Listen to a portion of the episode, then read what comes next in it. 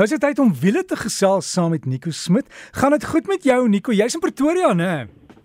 Dis reg, Dirk, ek is in Pretoria. Ek het 'n uh, soos jy res van Gauteng 'n reënerige aand gehad, maar ek dan die dag met 'n lekker koppie koffie begin so. Ja, en daar daar's mos daai snelweg daar met die sinkgat wat hulle besig is om inspeksie te hou. So hy's toegemaak vir 'n byle, né? Dis reg. Ek dink dit is uh, vandag en môre of ja. môre ja. en oormôre is een baan oop, maar gelukkig is ek gaan ek besig met tyd by die huis wees, so. So ja, en, en die mense in die omgewing, hulle weet watter een dit is. So vermy dit maar net as jy kan, neem 'n ander roete. En ja, dit dit is nogal 'n benoude oomblik geweest daai vir sekere mense.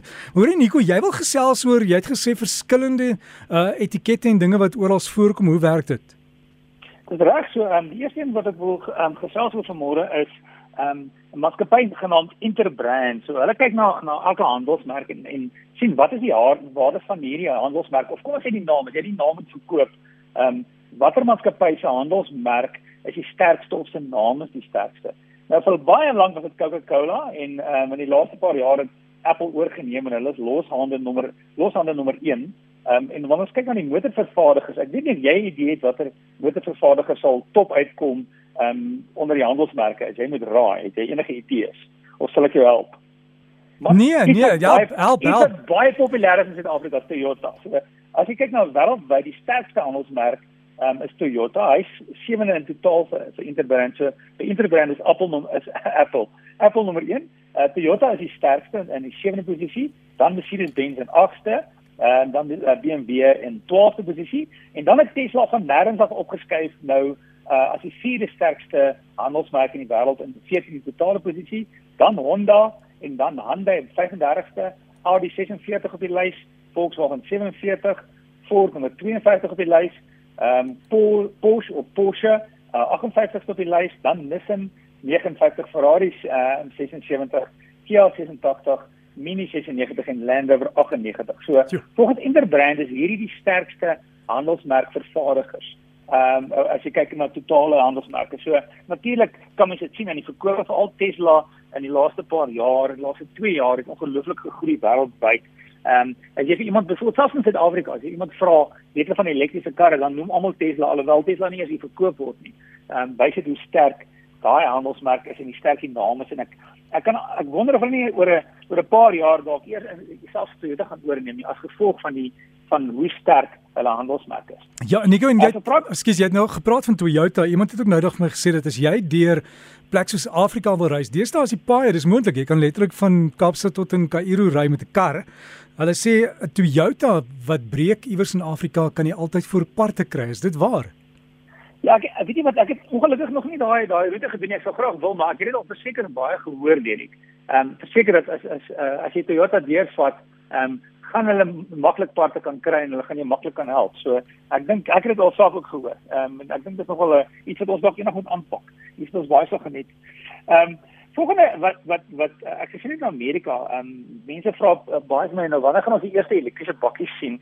Nou in Amerika eh uh, Ford natuurlik 'n baie sterk handelsmerk en hulle het ehm um, verlede jaar die F150 Lightning uh, bekend gestel. So, dit is 'n die F150 wat vir rukkie in Suid-Afrika ook verkoop, maar dit is nou 'n elektriese bakkie. So as jy dink in 'n in 'n in 'n 'n Ranger, dis groter as 'n Ranger, maar hy's elektries met 'n baie groot battery, 'n 131 kWh battery. So dis as jy en dit vergelyk met 'n brandstoftank, so dit omtrent 140 liter brandstoftank gewees. Is 'n baie groot battery. Maar wat Ford sê is jy die bakkie koop en jy koop hulle laaier wat jy by die huis installeer, kan kan jy ook die battery gebruik om krag te gee vir jou huis. So, ehm um, omdat uh, hulle sê gemiddeld in Amerika gebruik elke huishouding om en by 30 kWh uh, per dag, sê hulle dat hierdie Ford um, Lightning bakkie as jy battery vol was en jy het nie krag nie, kan hy vir vir 3 dae vir jou huis krag lewer want al wat gebeur natuurlik dis soos soos enige battery wat jy by huis het, het baie mense het sonpanele en dan stoor hulle die energie in 'n battery. Nou as jy F150 het jy energie in jou battery en dan al wat jy nodig het is jy het nodig om daai ehm um, gelykstroom wisselstroom te maak en dan kan jy krag gee vir jou huis of as jy dit paar same gebruik tot in die 10 dae se krag kan jy uit jou F150 kry. So uh, ek wonder of dit net dalk gaan gebeur met ons oor 10 jaar dat jy indien Eskom jou nie kan help nie kan jy net jou Ford bakkie in die motorhuis terugprop in die stelsel en jou ketel krag gee en lekker koffie maak.